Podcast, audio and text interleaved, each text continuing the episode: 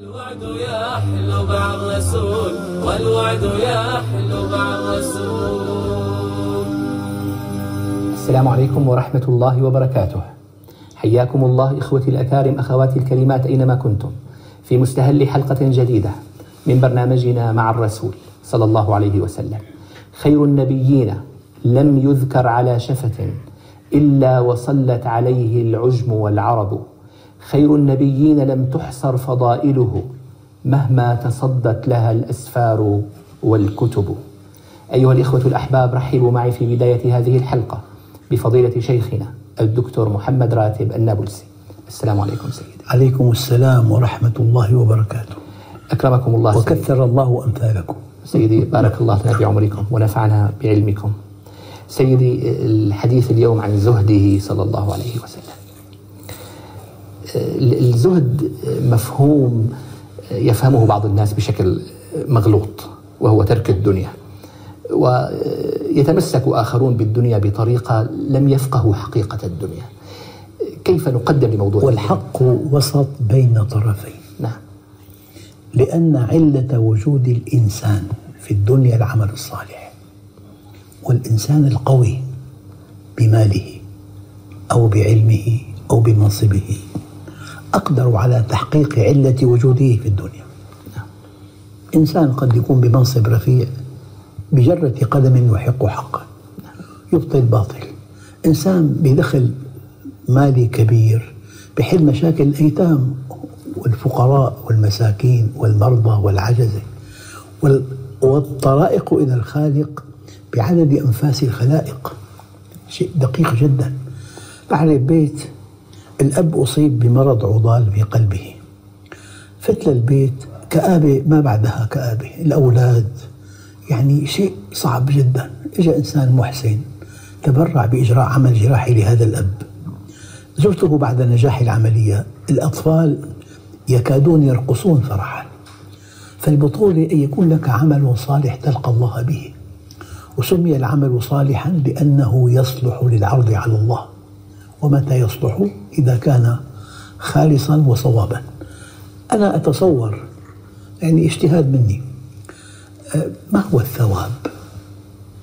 أنت رفعت إلى الله عملا. خالصا. تخدم به شخصا. لا ينتمي إليك أو لا تنتمي إليه. لكن قلبك الرحيم دفعك لهذا العمل. ما هو الثواب؟ يعود عليك من الله نعم. عطاء لا يصدق السكينة. تسعد بها ولو فقدت كل شيء وتشقى بفقدها ولو ملكت كل شيء. في عطاء التوفيق وما توفيقي إلا بالله. في عطاء يومي زوجة صالحة. أولاد أبرار مكانة اجتماعية موقف حكيم حكمة في التصرفات. يعني الحقيقة لا تعد ولا تحصى. يعني فوائد معرفة الله وطاعته وتطبيق منهجه لا تعد ولا تحصى.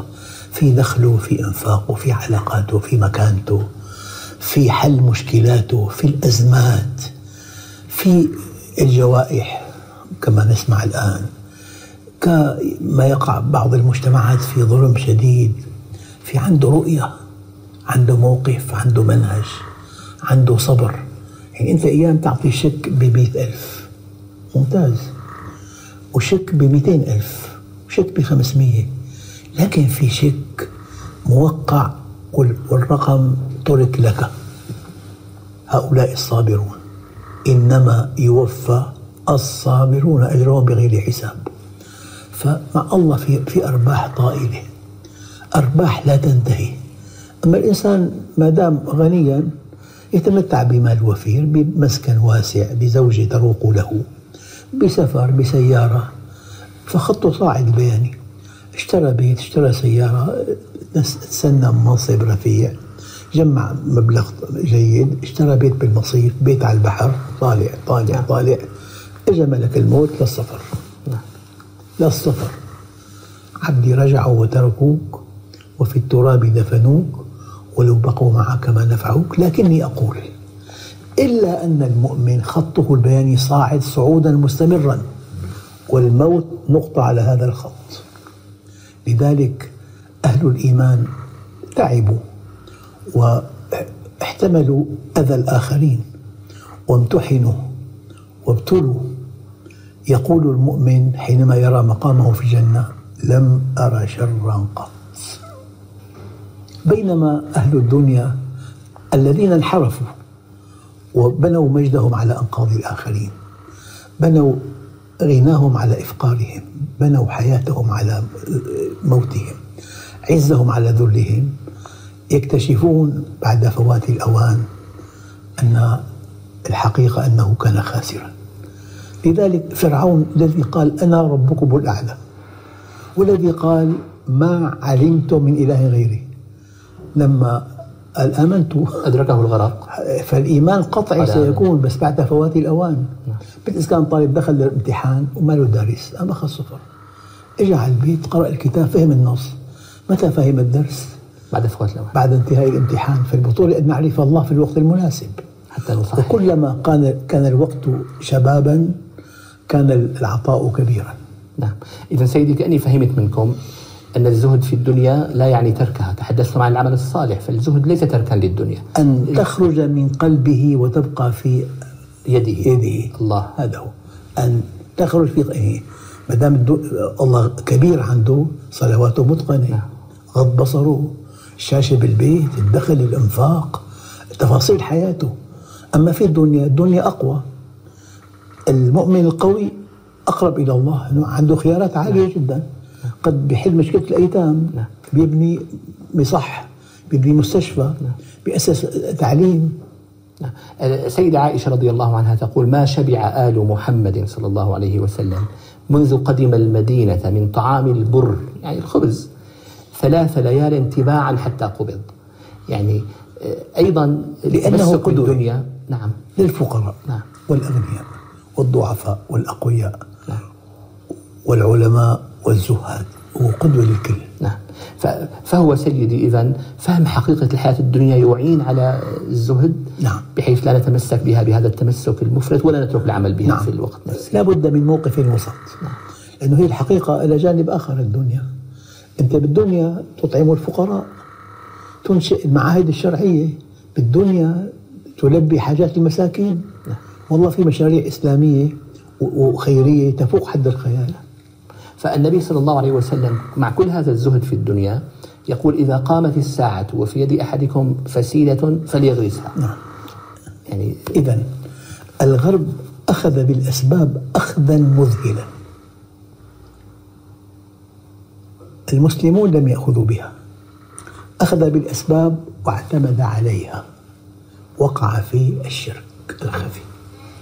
المسلمون لم يأخذوا بها. أما البطولة أن تأخذ بالأسباب وكأنها كل شيء ثم تتوكل على الله وكأنها ليست بشيء.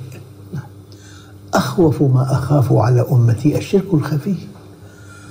طبعا أما أني لست أقول إنكم تعبدون صنما ولا حجرا ولكن شهوة خفية أعمال لغير الله. نعم. آه، سيدي بعض الناس اليوم مظهر الزهد في أذهانهم أنه شخص ذو ثياب متسخة ممزقة ربما ربما يجلس على قارعة الطريق شعره غير مرتب يقول هذا زاهد في الدنيا. هذا يتناقض مع هذا الدين العظيم. نعم. أصلحوا رحالكم وحسنوا لباسكم حتى تكونوا شامة بين الناس. هذا المنهج الإلهي. والمؤمن القوي بهندامه. ببيته في أناقة ما في ما في بذخ ولا في أشياء يعني غير مقبولة بس في أناقة في تناسب ألوان في ثياب معقولة معقولة يعني وسط ما في ثمن باهظ ولا في شيء يعني يزدري الإنسان. نعم. فالبطولة أن نكون من أهل الوسط يعني الوسط قمة الكمال الوسط وكذلك جعلناكم أمة وسطا. والنبي صلى الله عليه وسلم لما رأى هذا الرجل اللي يعني آه، شعره غير مرتب قال أما وجد هذا ما يهذب أو به إنسان شعره. يعني اشترى فندق في باريس 80 طابق ممتلئ دائما. في اليوم الثاني الثاني هناك مشكلة في نقل الملكية جاءته جلطة ومات. فالدنيا تنتهي بجلطة بفشل كلوي. أما الآخرة مديدة فهو الذكاء والنجاح. أن تعمل للآخرة. نعم. نعمل يعني في الدنيا للآخرة. نعم. دون أن نعلق قلوبنا بهذه أن تربط الدنيا بالآخرة. يعني الآخرة مكانها باهتمامك بالدنيا بالعمل الصالح. هم متكاملتان. نعم. وكما تقولون الدنيا تغر وتضر وتمر. وتمر. جزاكم الله خيرا سيدي وأحسن إليكم.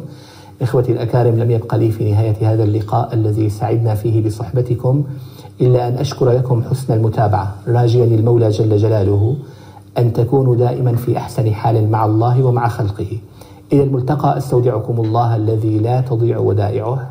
السلام عليكم ورحمة الله وبركاته. تزدان بالبشرى الليال شوقا إلى رحب الوصال والروح تسري بالخيال والوعد يحلو مع الرسول والوعد يحلو